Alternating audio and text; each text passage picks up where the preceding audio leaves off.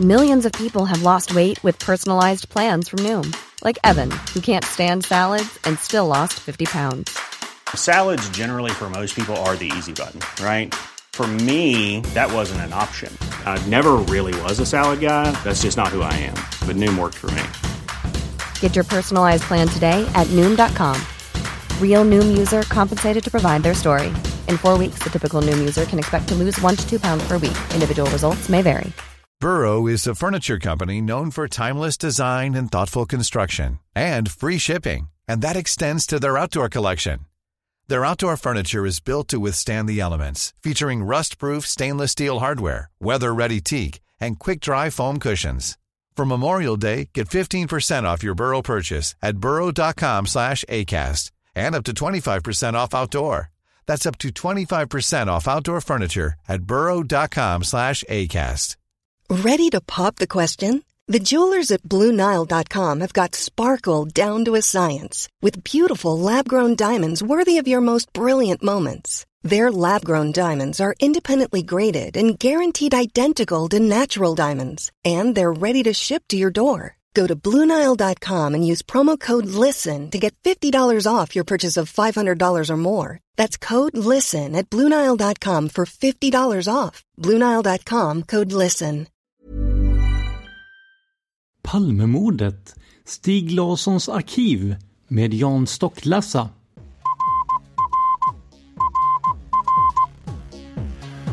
Sveriges statsminister Olof Palme är död. 90 000. Ja, det är mord på Sveavägen. Hörde de säger att det är Palme som är skjuten. Mordvapnet med säkerhet är en Smith Wesson, en revolver kaliber .357.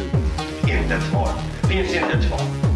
För jag har inget och jag har inte mördat Varför skulle jag Polisen söker en man i 35 till 40-årsåldern med mörkt hår och lång mörk rock. Välkommen till podden Palmemordet som idag görs av mig, Tobias Henriksson på PRS Media. Precis som tidigare så är det ni lyssnare som hjälper oss att göra den här podden. Om ni tycker att podden är bra och vill sponsra oss med en summa per avsnitt, gå in på patreon.com palmemordet och donera en summa som vi får per avsnitt. Det är alltså patreon.com. Har ni tips om företag som vill sponsra oss så är ni välkomna att kontakta oss i privata meddelanden via facebook.com palmemordet. Och om ni som privatpersoner hellre vill sponsra med Swish så kan ni också kontakta oss i privat meddelande för att få telefonnummer. 2018 var det intressant år för Palmemordsintresserade. Det började med Mikael Hylins dokumentär Palme, träsket och mordrättegångarna för att sedan följas upp med Filters och Thomas Petterssons artiklar och bok om Skandiamannen. Men det som gett störst eko i Sverige och omvärlden är utan tvekan boken Stig Larssons arkiv Nyckeln till Palmemordet av Jan Stocklassa. Boken bygger, som titeln anger, på den research som deckarförfattaren och journalisten Stig Larsson gjorde om mordet. Men Jan Stocklassa har även gjort en hel del egen research i ämnet, något som man kan läsa om i boken. Jag bestämde mig för att försöka få tag på Jan Stocklassa för en intervju och i slutet av 2018 lyckades vi få till en tid. Jan befann sig då utomlands och vi gjorde intervjun via Skype. Vid några tillfällen i intervjun svajar Stocklassas internetuppkoppling, vilket ger avtryck på ljudkvaliteten. Vi ber om ursäkt för detta. Dock har större delen av intervjun riktigt bra ljudkvalitet. Vi börjar med en kort presentation av författaren för er som inte känner till honom sedan tidigare. Eh, nej, men jag, är, jag, har sysslat med ganska många olika saker i livet. Eh, nu är jag drygt 50 men jag är utbildad arkitekt från början.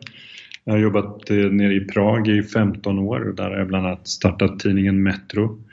Sen jobbade jag på ambassaden som handelsråd, eh, svenska ambassaden i Prag. Eh, och eh, efter det så skrev jag min första bok som handlade om korruption i samband med JAS Gripen som hette, hade det träffande namnet eh, Gripen av Prag. Och var en del av avslöjandena kring, kring Saabs korruption i samband med affärerna där nere. Då. Eh, 2007 kom den samtidigt som Uppdrag granskningsavslöjanden.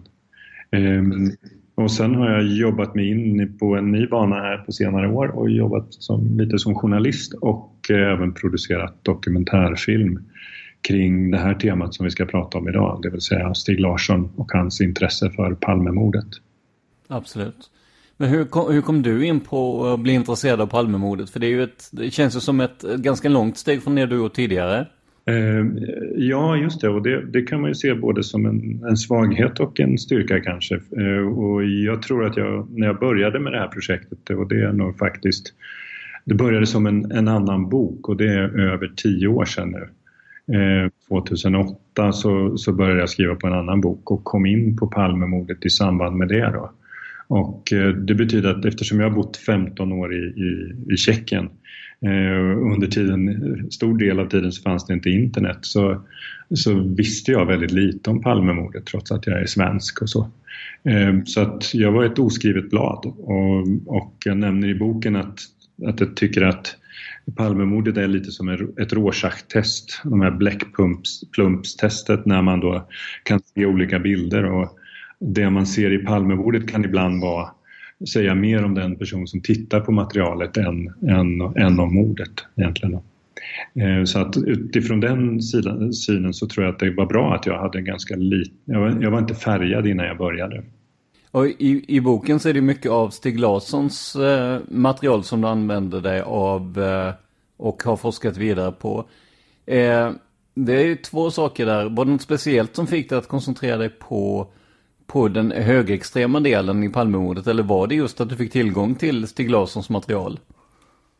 det, det, är en ganska lång vindlande väg fram till, eh, till att jag hittade Stig Larssons arkiv. Det var inte så att någon gav det till mig utan jag eh, skulle skriva den här boken, den andra boken som handlade om om mordplatser, platser där det har gått mer, begåtts mer än ett mord eller grovt brott med lång tidsperiod emellan och där eh, olika gärningsmän men de här brotten begås på samma plats. Då. Och i samband med det så hittade jag Norr Mälarstrand 24 eh, där de von Sydowska morden utspelade sig 1932. Eh, tre personer som slogs ihjäl brutalt eh, av en ung kille. Eh, och eh, 48 år senare så flyttade Sveriges största Palmehatare kallad Alf Enerström in i samma lägenhet. Eh, och 23 år senare hade han blivit helt eh, galen och, och eh, eh, mötte polisen när han skulle vräkas iklädd en herrskjorta och en kastrull på huvudet. Endast. Eh, och började skjuta vilt omkring sig och träffade en kvinnlig polis med ett par skott.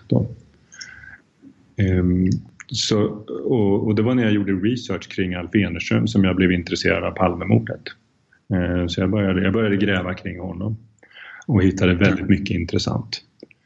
Ehm, och sen gick den jag började leta i olika arkiv och eh, hittade papper om Enerström.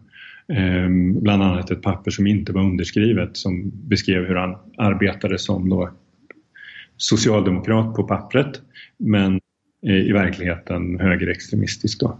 Och, och så frågade jag Anna-Lena Lodenius som hade det här pappret i sitt arkiv vem har skrivit det här? Och då sa hon Stig Larsson. Ehm, och då sa jag, vilken Stig Larsson? Eftersom det finns ju två då. Eh, och, så, och sen så deckarförfattaren. Och då plötsligt så insåg jag, men jaha, det kanske finns mer.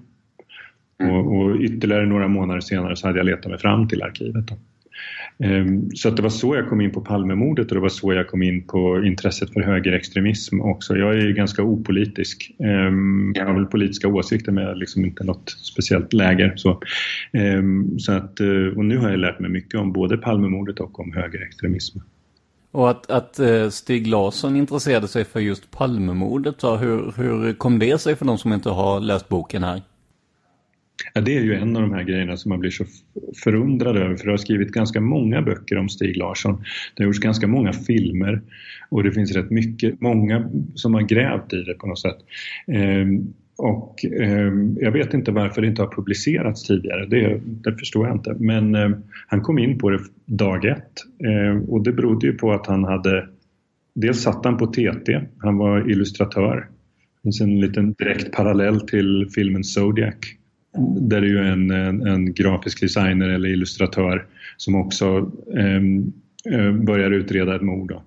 Och, och Stig så han, han, han, han, fick ju höra om det väldigt tidigt, fick jobba med det väldigt tidigt. Han gjorde en karta som är med i boken också. Redan eh, som är daterad den 2 mars som han säkert jobbade med dagen efter mordet. Ehm, eh, och, och sen så började det komma in tips både till TT men till polisen eh, eh, om just personer som Stig hade tittat på redan som var extremister, högerextremister. Så att det låg ju väldigt nära till hands eh, för honom att börja gräva i mordet. Så han gjorde det från den 1 mars 1986. Och de gick ju med, tillsammans med Eva Gabrielsson så gick de ju dagen därpå till, till eh, mordplatsen också då och besökte mordplatsen. Så, eh, till och med fysiskt då så var de där. Då. Men när du fick tillgång till det här materialet sen genom Daniel Pohl på Expo vad jag förstår. Eh, alltså hur, hur kändes det att sitta med allt det här materialet framför sig? För att Stig Larsson hade ju, han hade ju samlat på sig en väldig massa förstår jag. Ja, det var ju en enorm mängd och det hade inte jag en aning om. Daniel anade nog att det var mycket mer papper än vad jag trodde.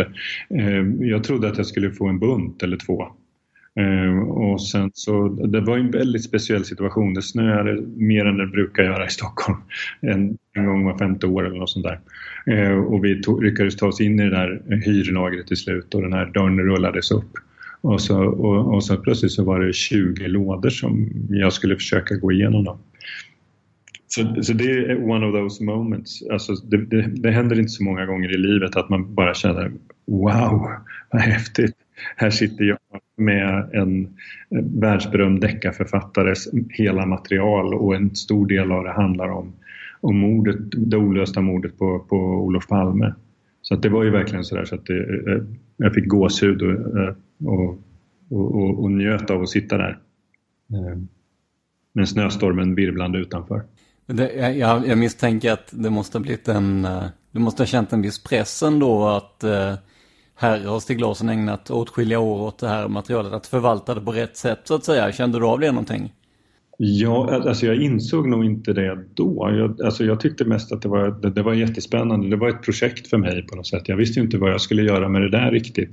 Eh, så att, men på vägen har jag förstått det. Det har blivit ganska brutalt påmind om det flera gånger. Om, om värdet i i, i det här materialet då ehm, och eh, vikten av det, hur det hanteras och sådär. Så att jag har, eh, ehm, har jag har blivit påmind av olika intressenter kan man säga. Då. Och jag, så att jag har förstått det och, och, och, försökt behandla det på ett bra sätt. Jag hoppas att jag lyckats i boken. Eh, för just i boken där, det pratas ju om eh, en hel del olika spår. Sydafrika där du själv är nere och eh, Reka får man väl säga högerextremismen då som vi var inne på. Och eh, en, eh, ja, en koppling till vapensmuggling som jag förstår det. Eh, tror du att eh, de spåren sitter ihop så att säga? Eller är det något särskilt av dem som lockar ditt intresse? Um, jag tror att de hänger ihop, eller jag är till och med övertygad om att de hänger ihop. Och jag är övertygad om, om den lösning som jag beskriver i, i boken, vilket ju kanske är en viktig, viktig fråga också. Ehm, och, och, jag, och jag beskriver det i boken också. Dessutom är det ju så att även Stig, var, det var hans teori, den han jobbade med. Eh, han prövade andra teori, teorier också men han kom hela tiden tillbaka till Sydafrika, eh, mellanhand på Cypern, högerextremister eh, i Sverige och högerextremister i Sverige kan ju vara, de kan ju jobba som olika saker som poliser exempelvis på Säpo ehm, eh, med övervakning. Ehm, så att ehm, Viktor Gunnarsson får man väl räkna som en högerextremist också. Så att det var det som, som Stig tittade på och som Ehm, även jag är övertygad om. Och, och den här vapensmugglingen, den nämnde, nämner han ju i ett brev som är med i boken också redan 20 dagar efter, eh, efter mordet, den 20 mars 1986, så skriver han om att eh, Det finns en möjlighet att det kan vara eh, vapenhandlares intressen eh, och Sydafrika nämner han också då. Så att, eh, och sen tycker jag att jag har, har fyllt på mycket. Det är, inte, och det är inte bara Stig, ska man komma ihåg, som har skrivit de här sakerna utan det är ju många, många fler som har lämnat uppgifter om Sydafrika och grävt i Sydafrika. Eh, och eh, de flesta som har gjort det är ju fortfarande övertygade om att det, att det är Sydafrika också. Ehm, ehm, så att, ehm, det, så att svar, det korta svaret är nej, men jag är övertygad om att det, det är så här det ligger till.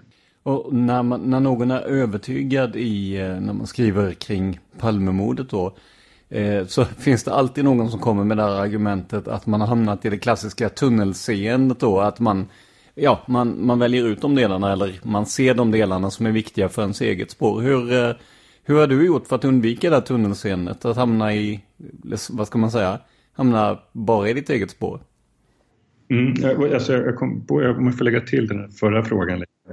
Alltså, eh, alltså, jag tror att återigen så tror jag det här med Rorschach-testet, man, man, är lite, det är lite vad man är för typ av person eh, så hittar man en lösning. Eh, och många tror jag använder sig av Ockhams rakkniv, det är ju känt klassiskt så att den oftast är den den enkla lösningen den rätta. Ta bort allt onödigt då. Och problemet är väl att man försöker förenkla det ännu mer och säga att den enkla lösningen är den rätta. Och så är det ju inte alltid. Utan jag tror att Leif GW har sagt att det är ganska ofta som Ehm, eller det är något oftare eh, som det ligger en konspiration eh, bakom den här typen av mord än att det är en ensam galning som gör det då. Så oavsett om det är vanligare eller inte så är det ungefär lika vanligt och det betyder att man måste pröva båda, båda eh, lösningarna. Ehm, Ehm, och, eh, och, och, då kommer man ju lite in på din nästa fråga också då med det klassiska tunnelseendet. Och jag har ju tittat på andra saker och det gjorde Stig också. Ehm, exempelvis så behandlar jag ju Christer Pettersson i, i boken då. Ehm, utifrån uppgifter i Stigs arkiv. Och han gjorde ju själv en, en profil på en, en möjlig ensam galning när han gick bort från, under en period gick bort från sin konspirationsteori kan vi kalla det. Eh, och istället prövade den ensamma galningen. Då. Och den, personen skulle, den profilen skulle kunna eh, stämt in på Christer Pettersson. Eh, men när han och jag har gått igenom det så har vi kommit till andra slutsatser. Och när jag gör det så, så tycker jag att det, jag, min uppfattning, och nu är det inte Stigs, utan det är att det är ett av Sveriges värsta justitiemord. Dessutom på en, en sårbar eh, missbrukare och två statsministrar, en, en eh, sittande och en före detta, har sagt i princip att han är skyldig trots att han är frikänd och jag tycker att det är skandal. Jag tycker att det, det är ett, slag mot vårt rättssystem. Så tycker jag inte de ska göra. Jag svarar inte riktigt på din nästa fråga, jag ligger en fråga efter hela tiden. Eh, ja, just det. Eh, för, för du frågade det här med tunnelseendet och vad jag, har jag gjort då? Alltså, Dels när jag började titta, titta på det och när jag kom in på Enerström och, och personerna kring honom då som jag beskriver rätt så utförligt i boken då. Då, då trodde jag ju på, ja, man kan kalla det en konspiration men med två eller tre personer, det var det jag trodde på. Och jag, så jag har på vägen kan man säga ändrat mig när jag förstod att den här eh, personen som jag tittar väldigt noga på, Jakob Tedelin, hur han hänger ihop med med Bertil Vedin i boken. Eh, eh, och hur nära kontakt de har. Eh, och det var först då jag insåg att ja, men det här kan ha, ha större implikationer. Och sen hittade jag också hur, eh, hur, Stig, eh, hur Stig intresserade sig för den här större konspirationen. Då. Så att det var först när, när, när alltså att jag en, har ändrat mig på vägen då och gått från en, en, en, eller två eller tre personer till en, en, en större konspiration. Sen har jag stött på patrull. Jag har träffat längs den här vägen. För jag har ju varit med och producerat en film och jag har skrivit i Svenska Dagbladet. Jag har gjort en massa olika saker. Och då har jag träffat en lång rad personer. Om det är något som är gemensamt så har, för, för faktagranskare så är det att de har varit ganska kritiska och försökt hitta hål i, i min och Stigs teori. Då. Och jag tycker att jag har lyckats fylla i dem på en lång rad punkter. Um, och så det har varit det bästa, det, den bästa testen då under de här säg 68 åren som jag jobbat väldigt intensivt med det. Då.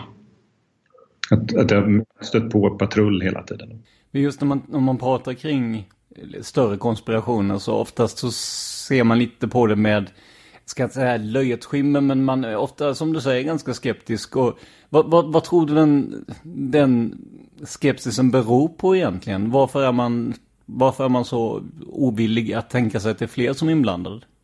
Alltså det, det stående argumentet är ju att det skulle ha läckt. Ehm, och, och då, det, det, är ju ett bra argument, det är en fråga man måste ställa sig. Ehm, och, och det svaret som jag tycker är att ja, men det har läckt. Mm. Ehm, eh, det har kommit information som tyder på att folk har vetat om delar av upplägget. Då. Ehm, ehm, med, med en större konspiration. Och sen så tror jag att det, det, det andra är då att det finns olika typer. Man kan sätta sig 20 personer i ett rum och sen så säger man du ska skjuta honom.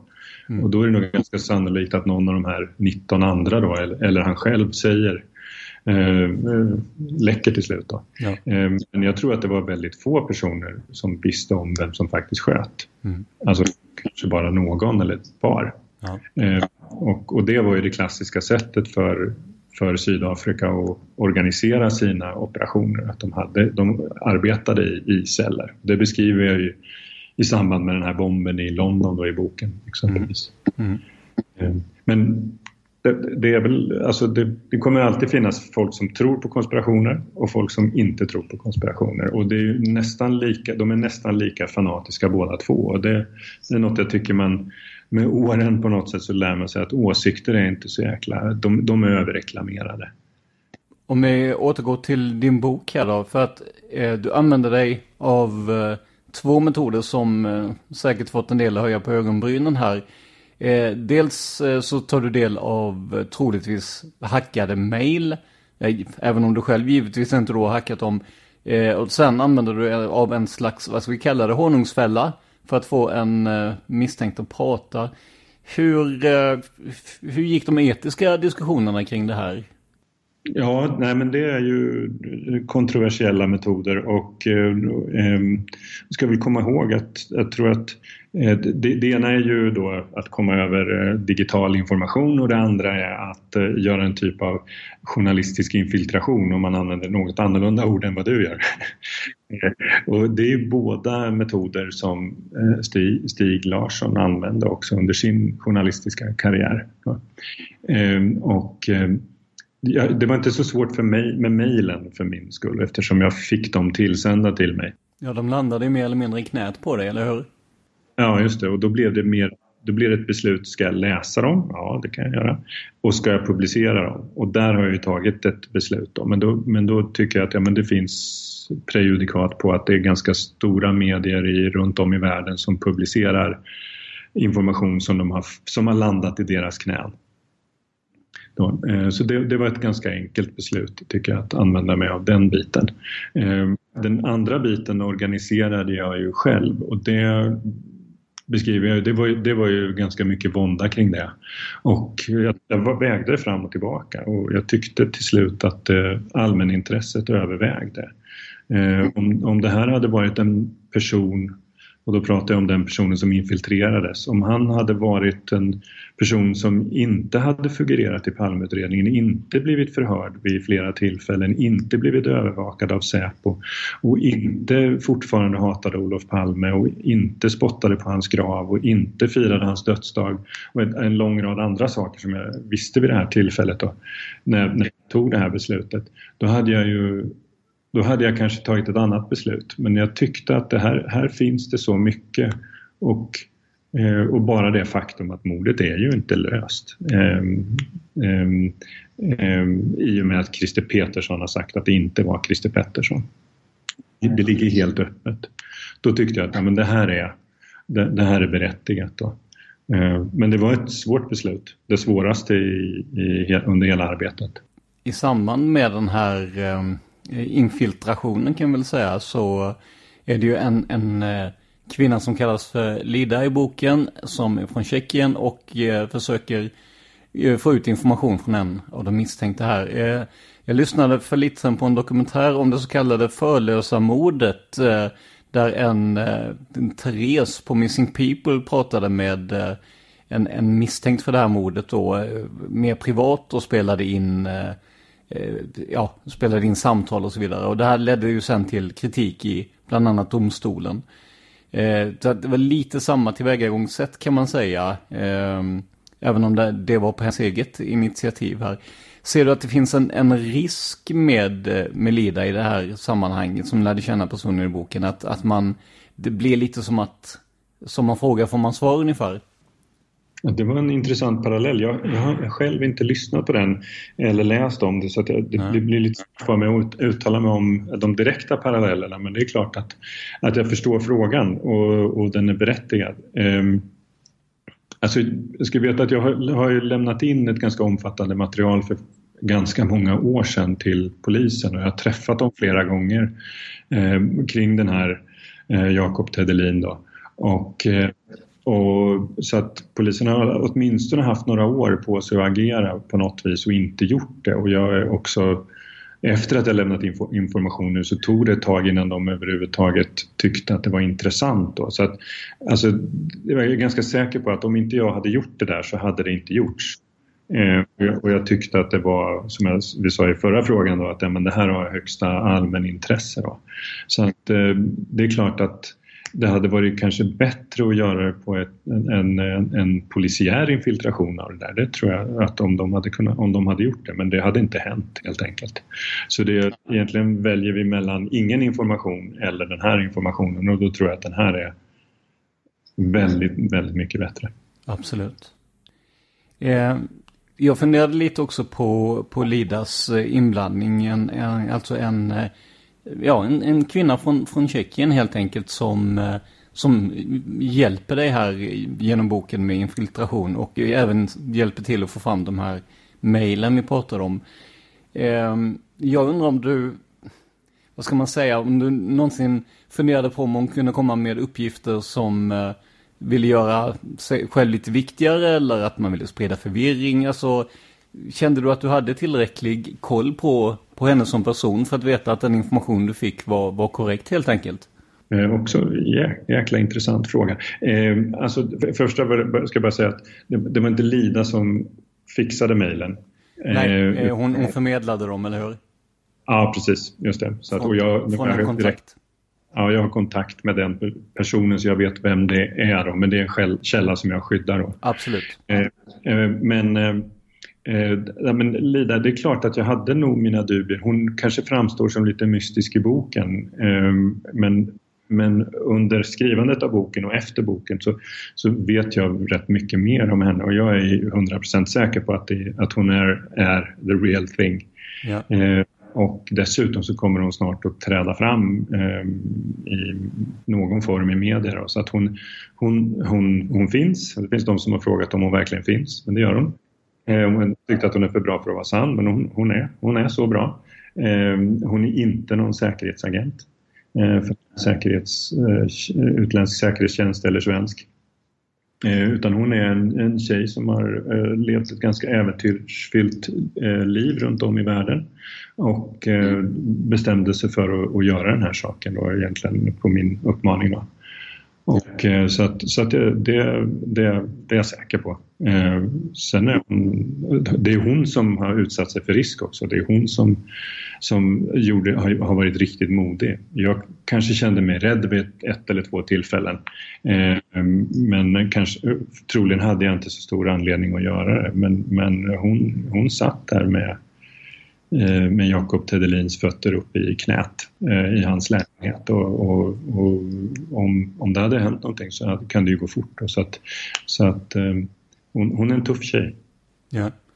Man märker ju det i, i boken också att ni gärna har Alltså att ni är oroliga för hennes skull. För hon verkar vara ganska eh, hon, hon har en framåtanda minst sagt, eh, som hon beskrivs i boken.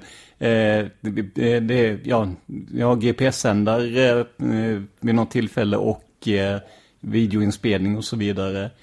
Eh, jag förstår att ni var oroliga för, för eh, hennes säkerhet, men kände du dig någonsin orolig för din egen säkerhet i samband med skrivandet av boken eller publiceringen med tanke på att det är en del kontroversiella uppgifter och personer som förekommer?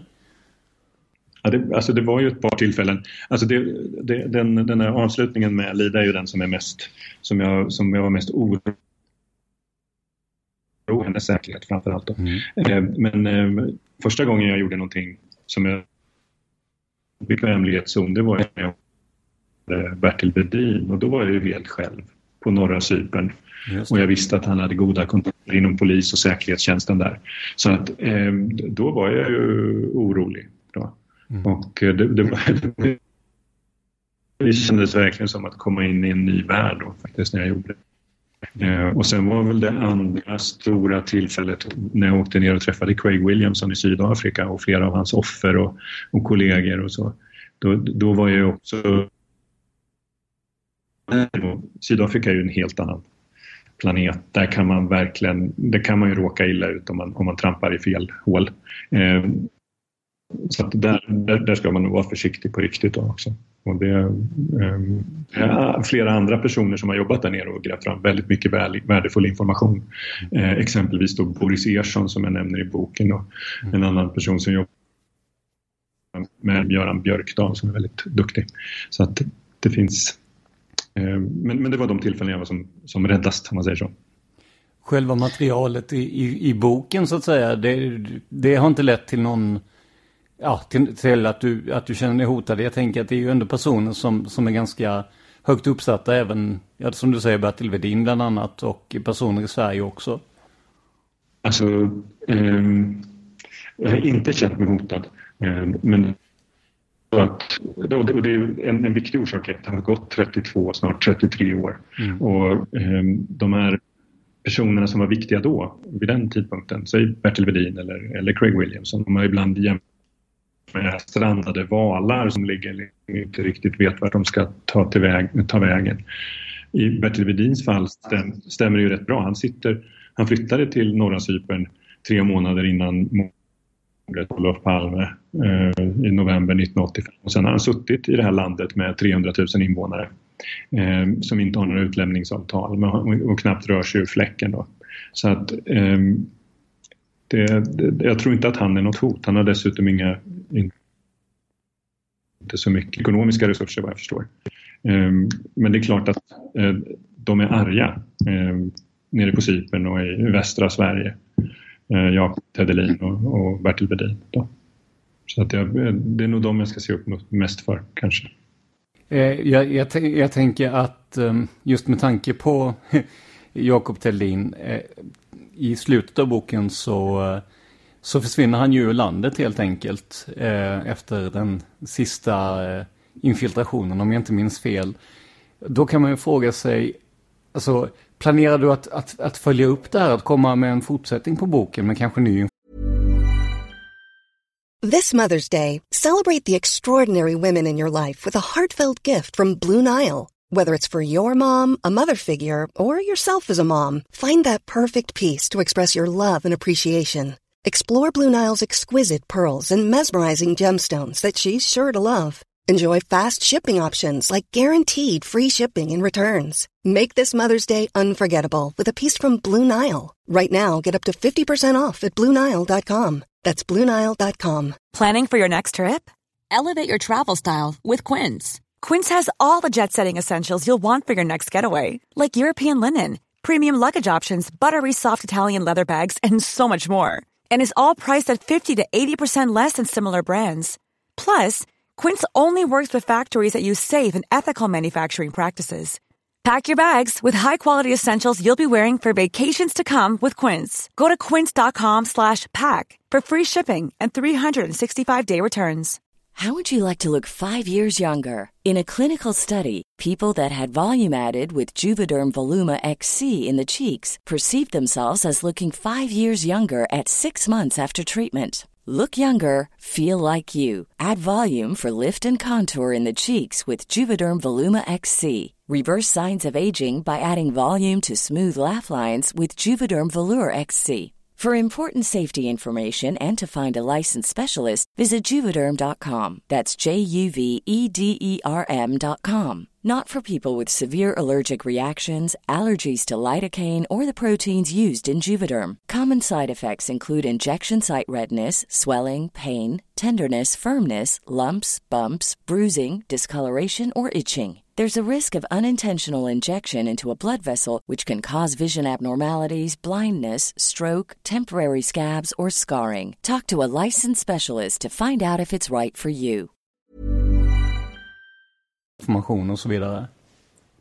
Ehm, ja, eh, det, det, tänkte jag nu. Eh, det tänker jag göra.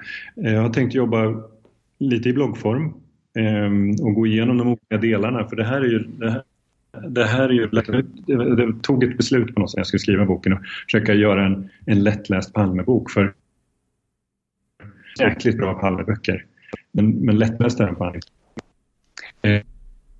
jag, jag har ju ett, tre hyllmeter med, med, med, böcker, eller med böcker som, har, som på något sätt gäller Palmemordet.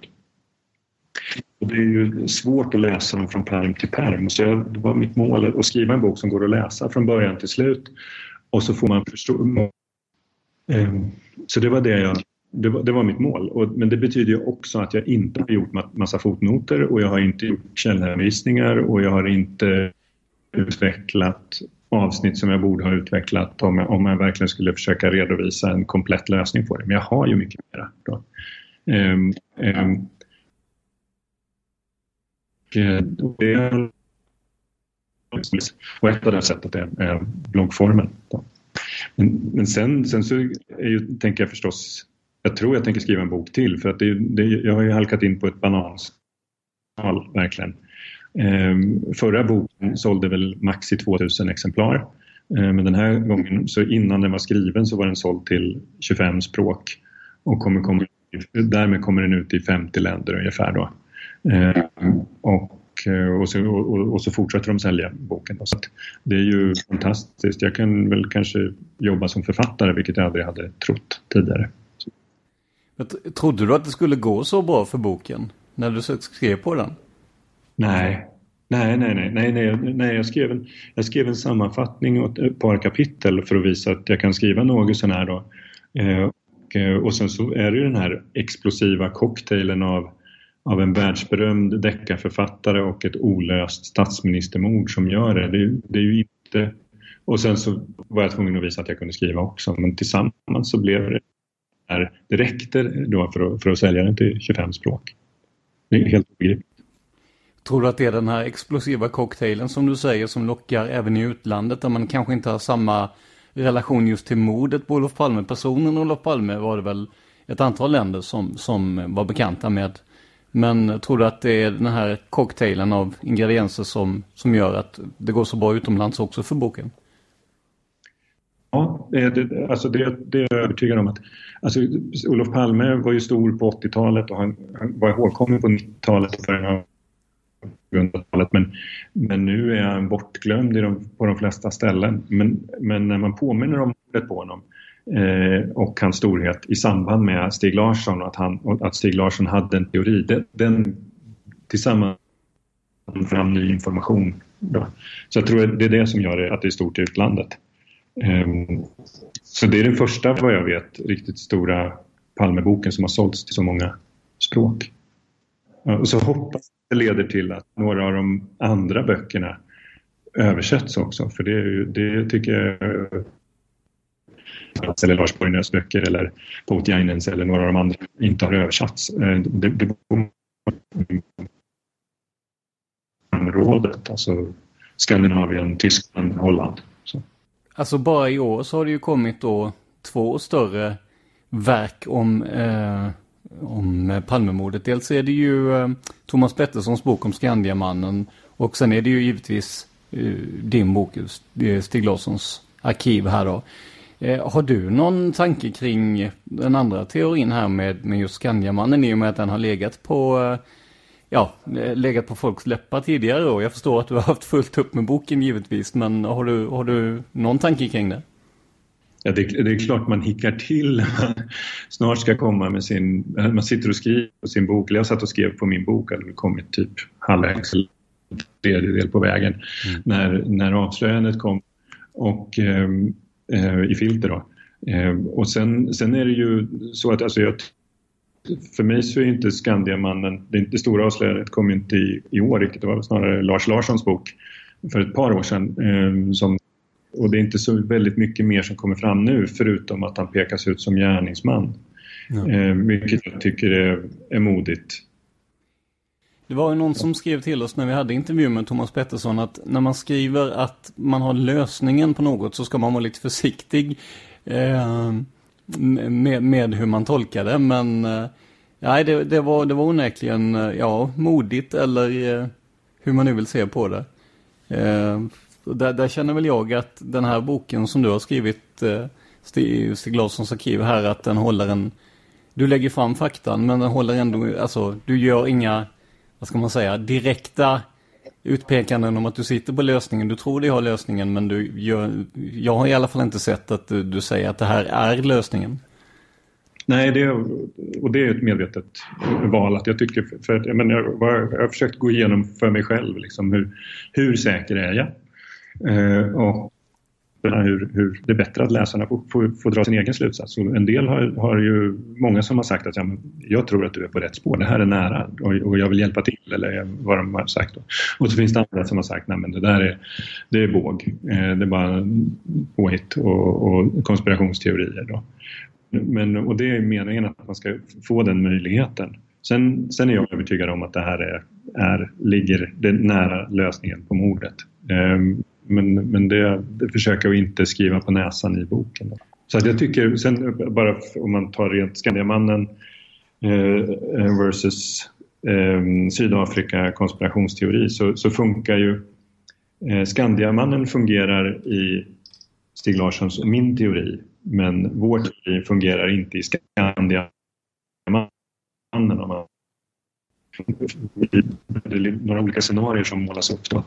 Eh, men där kommer han ju inte så långt. Då, så att, och det är ett stort steg till att, eh, att det skulle vara Sydafrika som låg bakom det i, i den boken. Däremot så tror jag att han kan ha varit en typ av patsy eller person som ska, som ska befinna sig på fel plats och som kan bli misstänkt Eh, det jag tänkte på här var att i, i samband med att du skrev boken så fick du intervjua både Alf Eneström och Gio Petré här. Hur, hur uppfattade du dem som personer? För att i alla fall Alf Eneström är ju en person som, som väl sätts som ganska, ja, ganska udda i sitt sätt helt enkelt. Ja, det var ju jättespännande. Alltså, det, var ju, det, var ju, det, var, det var ett annat sånt där tillfälle när man bara tänkte men till så.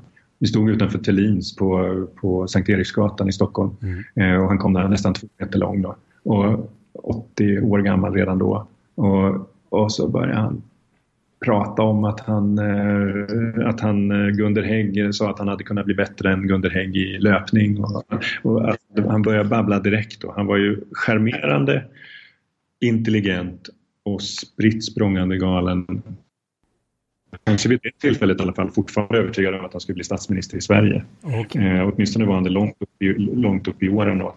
Eh, så att, eh, det var ju en, en, Och sen så emellan, ena sekunden så var han bästa kompis med Olof Palme och gav honom tips och de gick och käkade lunch tillsammans. Nästa sekund så, så, så, så, var, så beskrev han ju palmismen, hur, hur han var djävulen och det värsta som fanns på jordens yta. Så att det svängde ju väldigt mycket där och då var han redan efter åtminstone två omgångar på psykiatrisk klinik. Då. Mm. Så att, eh, men men han, var, han, var, han var fortfarande kul att prata med och spännande. Eh, definitivt. Då. Väldigt eh, intressant person och otäck samtidigt. Då. Eh, och jag har ju, har ju filmat en intervju med honom som jag tänker kanske lägga ut undan för undan också då, där han är han berättar de här sakerna och hur han såg poliser på mordplatsen och vilket ju betyder att han var på mordplatsen och sådär. Så att, ja. eh, men men det, man kan inte lita på vad han säger. Gio, eh, hon är ju en helt vanlig eh, kvinna på många sätt kan man säga då. Hon är försiktig. Det märks att hon är ärrad efter alla, alla händelser i hennes liv. Hon har nog levt ett otroligt omväxlande och spännande liv också. Då. Och varit tillsammans med tre män då. Lorentz Marmstedt som var Ingmar Bergmans mentor först. Filmregissör och producent. Sen Enerström. Eh, fick fyra barn med honom. Eh, och eh, till, sist, till sist då Lars-Erik Thunholm som var ordförande för Eh, det som blev SEB, sen. Då. Eh, och Willy tidigare. Eh, så att, och så sitter hon nu i sin enormt fina herrgård i Värmland och eh, själv. Eh, men hon var ärrad och, och försiktig och men också en, det märks att hon är en skådespelerska så man kan inte riktigt veta vad man har henne skulle jag säga. Nej. På, på vilket sätt kunde du märka det så att säga eller vad var det som fick dig att reagera på det, på det sättet? Ja, en av sakerna som jag går in på i boken det är ju det att ja, men, de här texterna i böckerna, de två böckerna som hon skrev tillsammans med Enerström, de är ju, varannan text är underskriven av henne och varannan av Enerström och det är väldigt olika ton i dem. Då. Hennes texter är minst lika eh, Eh, aggressiva mot Olof Palme då, men i, i vårt samtal så, så, eh, så, så framhöll hon att hon hade ingenting med att göra med den här kampanjen utan att hon var manipulerad och det, det skulle nog rätt så mycket till att hon, jag, det, det, jag, jag trodde i alla fall inte på henne i det sammanhanget. Då. Eh, och sen så var det hur hon svarade på olika frågor kring även mordkvällen då, där hon tog tillbaka Alf Enerströms alibi. Det hade hon gjort tidigare genom att kontakta polisen också. Mm. Ehm, och hur hon berättade om revolvern och sådär då. Och, så att det, det, det fanns ögonblick där jag kände att ja, men, är det här verkligen hela? Ja, det finns mer här. Det kan man ju aldrig veta men det är en, en känsla man får. Är du övertygad om att någon av de du nämner i din bok eh, höll i vapnet eller var det ytterligare någon person som verkligen avfyrade vapnet mot Olof Palme? Jag är övertygad om att någon av dem jag nämner i boken är, höll i vapnet eh, och sköt. Ehm, men jag är inte helt säker. Det finns, jag har, har liksom mina tankar på hur det skulle kunna gå till. Då. Ehm, och om det inte är någon av dem jag nämner, då är det en sydafrikan. Ehm, så, så skulle jag säga. Så att det är så att det korta svaret är ja, det är jag övertygad om. Och sen så är jag också övertygad om att vapnet finns kvar eh, och att det, att det finns eh, gömt. Då. Då, då, är man ju väldigt intresserad av att veta vem du tror höll i vapnet av dem du nämner. Är det Jakob eh, Tellin som ligger bäst till där eller? Nej men det, det, tror jag inte att jag kan. Det blir nog till nästa bok. Eh, eller möjligen i... Då lämnar vi det tills vidare. Eh, vi gör ju alltid så när vi ska göra intervjuer att vi, vi eh, ställer vi går ut med frågor till våra lyssnare och så har de möjlighet att skicka in frågor till oss. Eh, och och eh, en fråga vi kan börja med där som kommer bland annat från Pelle Nilsson.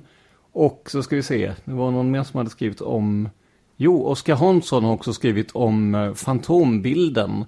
Eh, och eh, det är ju andemeningen varför du drar referens till fantombilden som sedan länge avfärdad. Det här är ett citat från Pelle Nilsson då.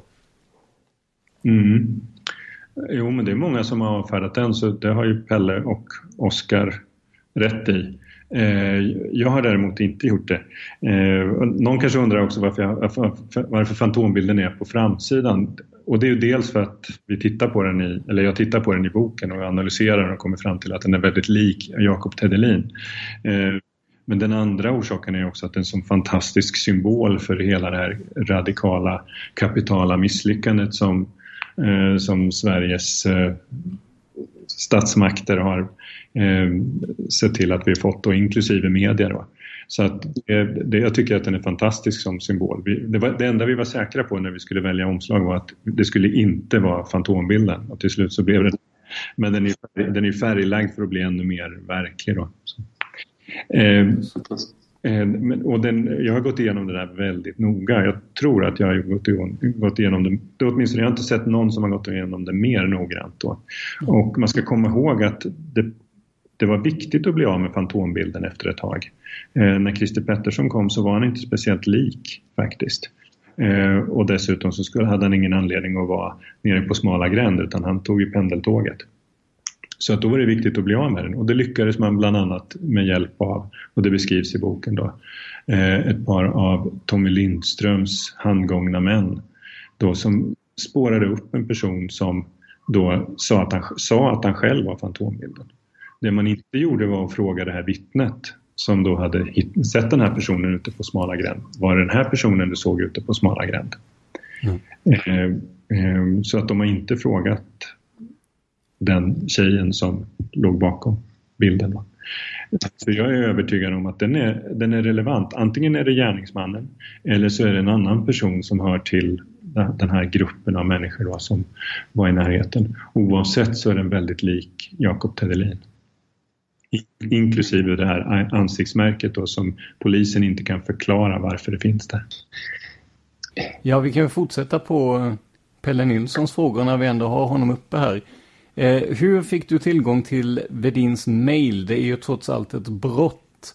Och då är det väl så här att det är väl inget brott att ta emot den här informationen som jag förstår det från tredje person. Men däremot kan man ju misstänka att det är ett brott att så att säga att hacka sig in på mailen. Men eh, ja, utveckla gärna det lite. Mm, ja, jag, ja, men jag tror jag svarade på det. Jag har en skyddad källa som har levererat de här mejlen till mig. Ehm, och eh, det är ju inte ett brott då ehm, att ta emot mejl, precis som du konstaterar. Ehm, så att det, det, var, det var så det gick till. Eh, Pelle Nilsson undrar också hur du kan tolka raketer som Palmevapnet. Eh, ja, det beskriver jag ju i, i, i boken och det, är ju, det, det, är ganska, det kräver ganska lång, att, att man utvecklar det ganska, ganska långt för om man bara skriver Peter så blir det en väldigt lång kedja fram till Palmemordet. Det är ju det här första mejlet som de utväxlar då.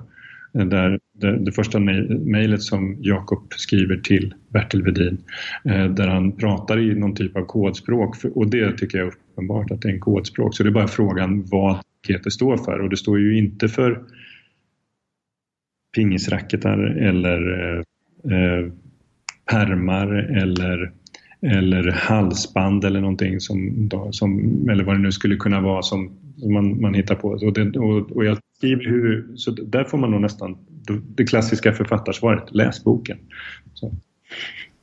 Eh, och eh, den sista frågan från Pelle Nilsson är ju vad du har rent konkret som tyder på att Ted Lin eller Vedin skulle vara inblandad i mordet. Och så skriver han, då menar jag inga skulle kunna tyda på och liknande leopoldismer. Jag misstänker att han syftar på Anders Leopold som, som jag intervjuade eh, tidigare i podden här. Ja, eh, det finns ju en lång rad saker. och Det kan jag återigen säga då. Alltså återkomma till det. Då. Nej, men, alltså, eh, Tedelin har ju varit misstänkt, övervakad och inhämtad till förhör eh, vid två tillfällen Eh, väldigt tidigt efter mordet.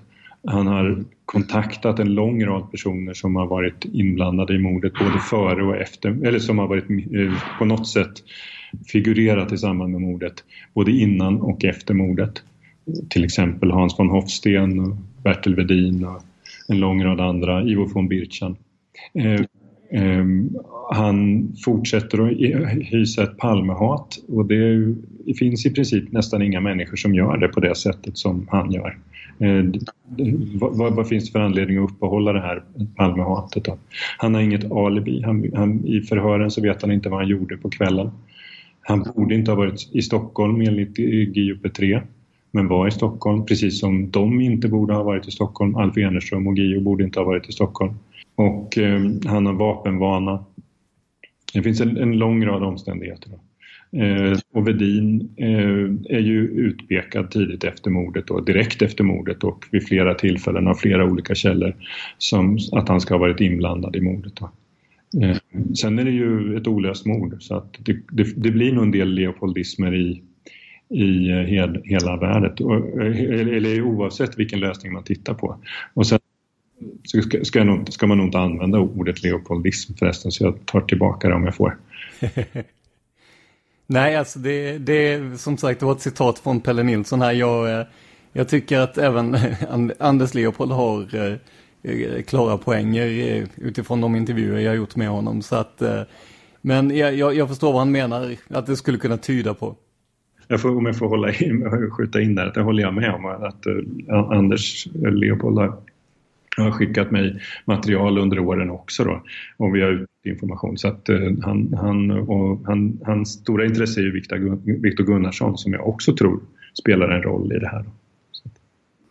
Och honom har ju vi gjort en ganska lång serie om eh, ganska nyligen här och vi har inte sl eh, slutat med den riktigt än. Men om, om du går det kort att säga vilken eventuell roll du tror att Viktor Gunnarsson skulle kunna ha då?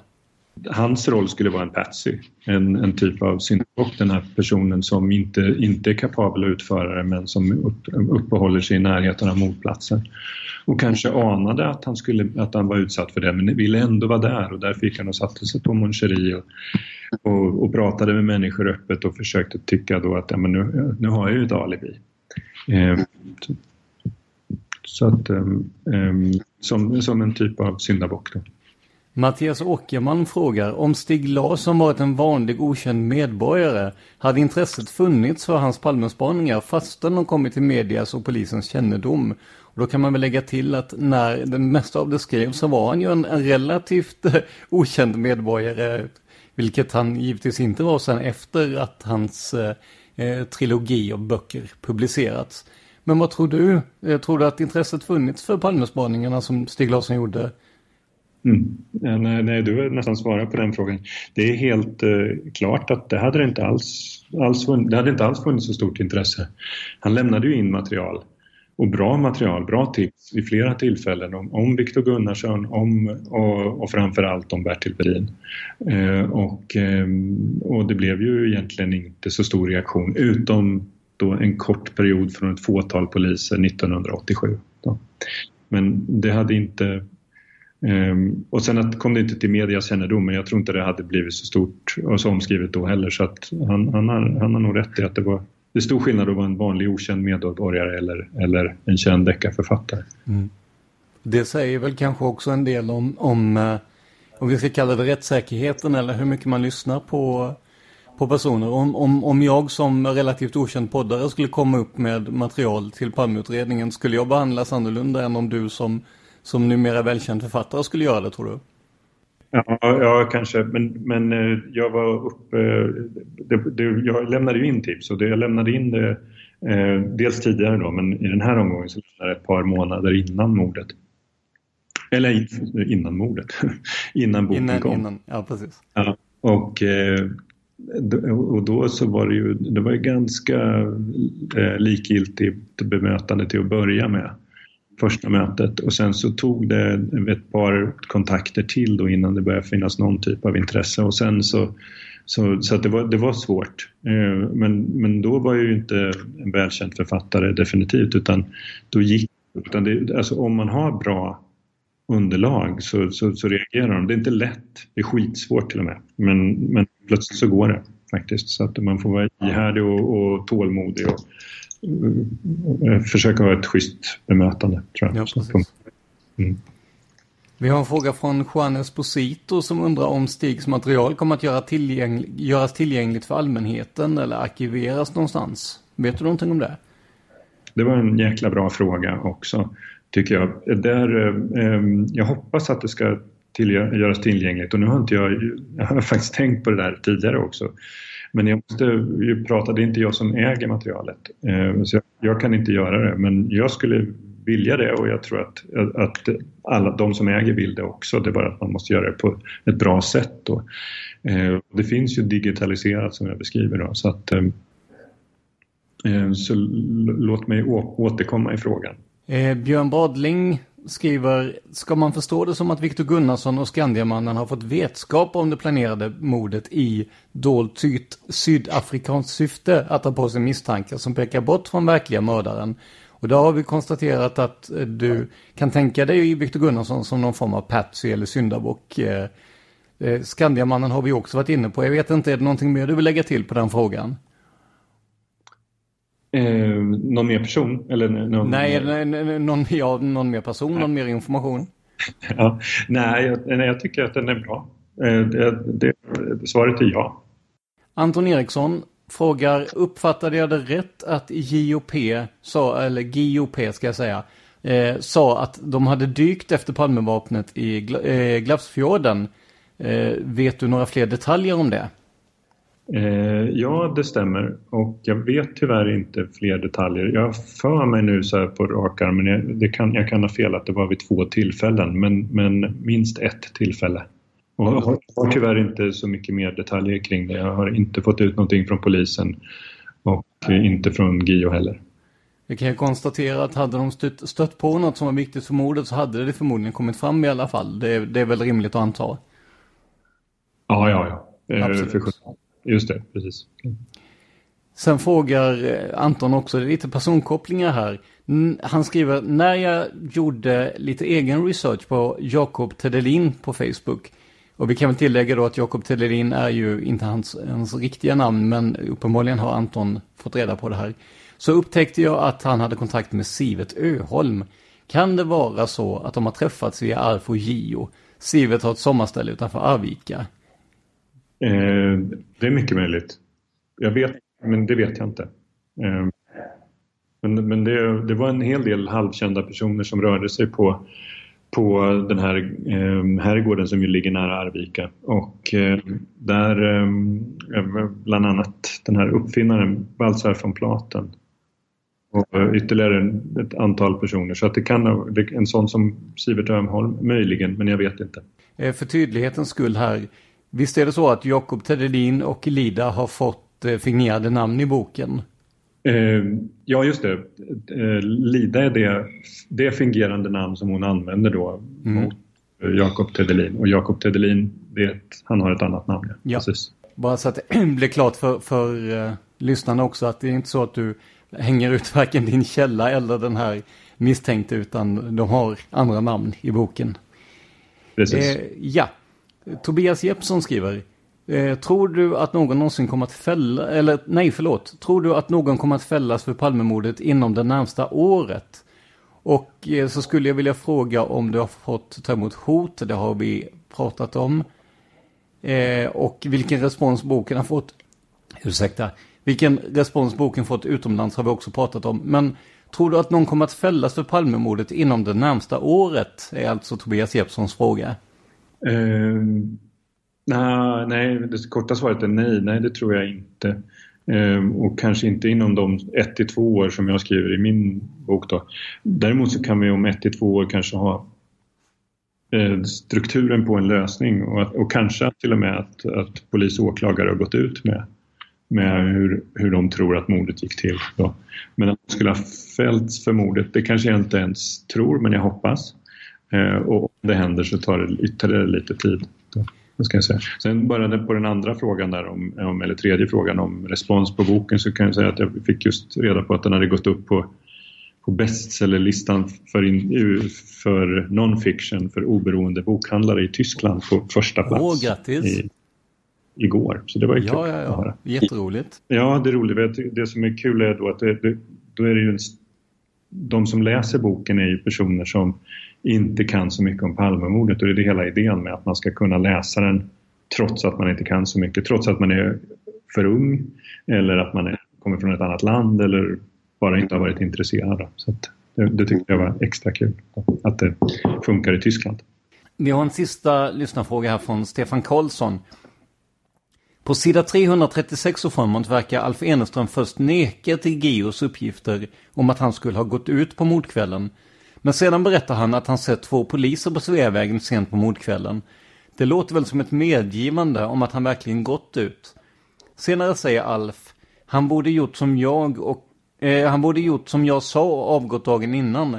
Har Alf alltså 27 februari uppmanat Palme att avgå antingen offentligt eller i ett samtal?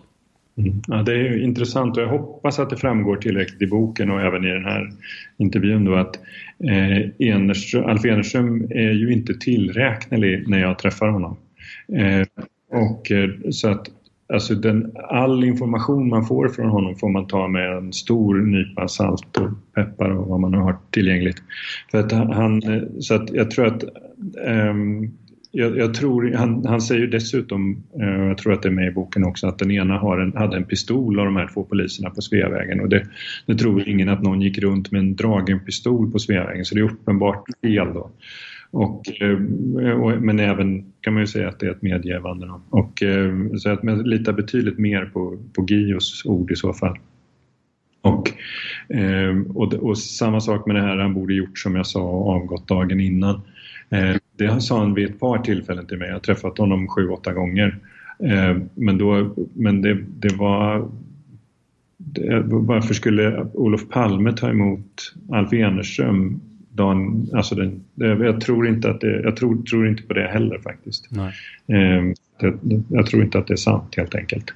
Så att tyvärr så kan man inte lägga så mycket vikt vid det. Är det någonting som du känner att du vill lägga till eller du känner att eh, vi har missat här? Eh... Ja, just det. Nej, men det här hoppas jag att det, det här är det längsta jag har pratat om det. Ja. Eh, I ett streck tror jag, så att jag hoppas att, det, att någonting nytt har kommit fram i alla fall. Och, eh, och får jag tacka er för ett bra jobb med Palmepodden. Ja, tack detsamma. Där tackar vi Jan Stocklassa för den här gången hoppas kunna återkomma om det dyker upp nya saker i det här ämnet. Stort tack också till alla er som skickat in frågor. Palmemordet finns på facebook.com palmemordet. Gå gärna in där och kommentera och gilla vår sida. Vi finns också på Youtube. Bara sök på Palmemordet. Det här avsnittet gjordes av mig, Tobias Henriksson, på PRS Media. För mer information om mig och företaget, gå in på facebook.com prsmedia.se. Tack för att ni lyssnar på Palmemordet. Man hittar Palmes mördare om man följer PKK-spåret till botten. Därför att ända sedan Julius Caesars tid har det aldrig hört talas om ett mord på en framstående politiker som inte haft politiska skäl. Polisens och åklagarens teori var att han ensam hade skjutit Olof Palme. Och det ledde också till rättegång. Men han frikändes i hovrätten. Nu ska vi ut på rövarstråt. Ja, vi ska ut och röva. A lot can happen in the next three years. Like a chatbot may be your new best friend. But what won't change? Needing health insurance. United Healthcare Tri Term Medical Plans are available for these changing times. Underwritten by Golden Rule Insurance Company, they offer budget-friendly, flexible coverage for people who are in between jobs or missed open enrollment. The plans last nearly three years in some states, with access to a nationwide network of doctors and hospitals. So for whatever tomorrow brings, United Healthcare Tri-Term Medical Plans may be for you. Learn more at uh1.com. Even on a budget, quality is non-negotiable. That's why Quince is the place to score high-end essentials at 50 to 80% less than similar brands. Get your hands on buttery soft cashmere sweaters from just 60 bucks, Italian leather jackets, and so much more. And the best part about Quince, they exclusively partner with factories committed to safe, ethical, and responsible manufacturing. Elevate your style without the elevated price tag with Quince. Go to quince.com slash upgrade for free shipping and 365-day returns. Cool fact, a crocodile can't stick out its tongue. Also, you can get health insurance for a month or just under a year in some states. United Healthcare short-term insurance plans, underwritten by Golden Rule Insurance Company, offer flexible, budget-friendly coverage for you. Learn more at uh1.com.